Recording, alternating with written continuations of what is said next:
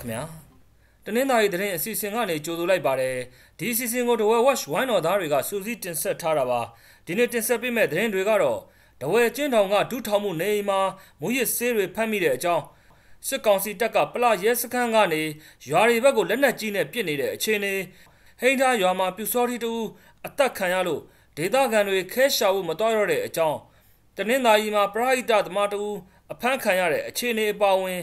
အတက်ကျန်းနေတဲ့ရွှေနဲ့ထိုင်းဘက်ဈေးကွက်စတဲ့သတင်းတွေကိုနားဆင်ရမှာပါ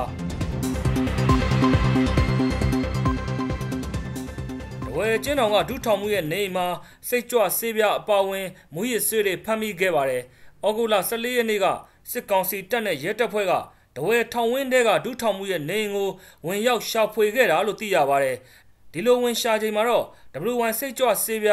ICE အပါဝင်မူရစ်ဆေးတွေဖမ်းမိတာလို့ဆိုပါတယ်။ ဒုထောင်မှုအိမ်မက်နေဂျာမှာအဲ့ဒီပစ္စည်းတွေထားတာကိုသိလို့ဝင်ဖမ်းတဲ့သူတွေကလှေကားတွေပါယူလာကြတာလို့ဆိုပါတယ်စစ်ကောင်စီဝါရဖြတ် Telegram Channel တွေမှာလည်းတဝဲထောင်ဒုထောင်မှုဥတရင်ထွန်းရဲ့နေအိမ်ကိုဝင်ရောက်ရှာဖွေရမှာမူရစ်စေးဝါးတွေနဲ့ခလုတ်နှိပ်ကီးပတ်ဖုန်းအလုံးရေ90နီးပါး Android ဖုန်းအလုံး30ကိုဖမ်းမိတယ်လို့သတင်းတွေဖော်ပြနေကြပါတယ်လက်ရှိမှာတော့စစ်ကောင်စီတပ်က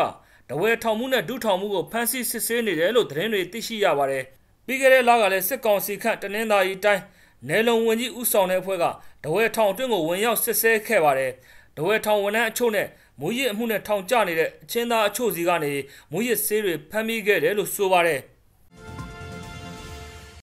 စစ်ကောင်စီတပ်ကပလရဲစခန်းကနေပလောမြို့နယ်တွေကကြေးရွာတွေကိုလက်နက်ကြီးနဲ့ပစ်ခတ်နေပါတယ်။အဲ့ဒီမြို့နယ်တွေကဇရက်စိတ်ရွာဘိုင်းပြင်ရွာတွေဘက်ကိုဒီနေ့မနက်ပိုင်းကပစ်ခတ်နေတာပါ။ပ လားမြို့မှာအရင်ကစိုက်ကယ်ပြင်ဆိုင်ဖွင့်လိုက်ခဲ့တဲ့ကိုမျိုးမင်းဦးရဲ့နေဒီနေ့မိုင်းဆွဲခံရပြီးတဲ့နောက်မှာလက်နက်ကြီးတွေနဲ့ပစ်ခတ်နေတာလို့ဆိုပါတယ်စစ်ကောင်စီတပ်ကလက်နက်ကြီးရှစ်လုံးလောက်ပစ်ခတ်ခဲ့ပြီးဒေသခံတွေထိခိုက်မှုရှိမရှိကိုစုံစမ်းနေဆဲဖြစ်ပါတယ်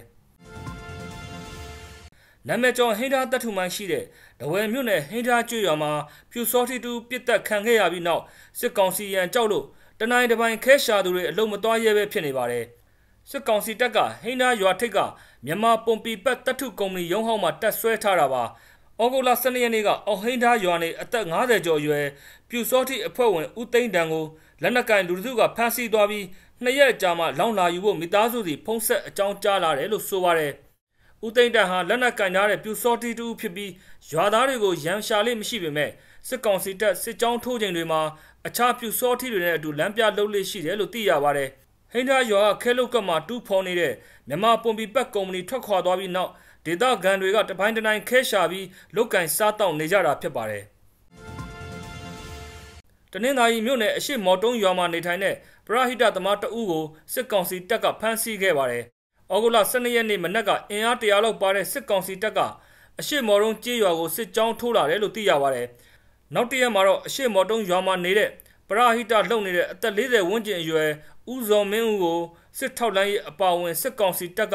နေအိမ်မှာလာရောက်ဖမ်းဆီးသွားတာလို့သိရပါတယ်။ဦးဇော်မင်းဦးကချစ်ကြည်ရေးပရဟိတအသင်းမှာလုတ်ကင်နေတာလို့သိရပါတယ်။စစ်ကောင်စီတပ်ကရွာသား9ဦးကိုဖမ်းဆီးစစ်ဆေးခဲ့ရမှာ4ဦးကိုပြန်လွတ်ပေးခဲ့ပြီးဦးဇော်မင်းဦးကိုတော့ဆက်ဖမ်းထားတယ်လို့သိရပါတယ်။စစ်ကောင်စီစစ်ကြောင်းဝင်လာတဲ့မော်တုံးအရှိကန်းရွာရဲ့ချောင်းတစ်ဖက်ချမ်းမှာတော့ပြည်သူ့ကာကွယ်ရေးတပ်တွေလှုပ်ရှားသွားလာနေတဲ့မော်တုံးရွာအနောက်ကန်းရှိပါတယ်။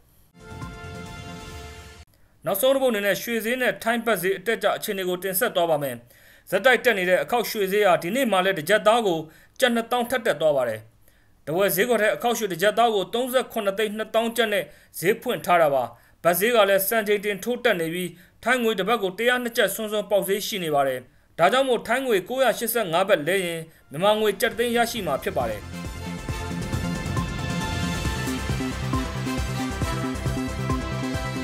လိုနားဆင်ပေးတဲ့အတွက်ကျေးဇူးအထူးတင်ရှိပါတယ်မြန်မာနိုင်ငံသူနိုင်ငံသားများကပ်ပြီးပေါင်းကနေအမြန်ဆုံးလွတ်မြောက်ပါစေလို့တဝဲ watch ဝိုင်းတော်သားများကစုမုံကောင်းတောင်းအပ်ပါတယ်ခင်ဗျာ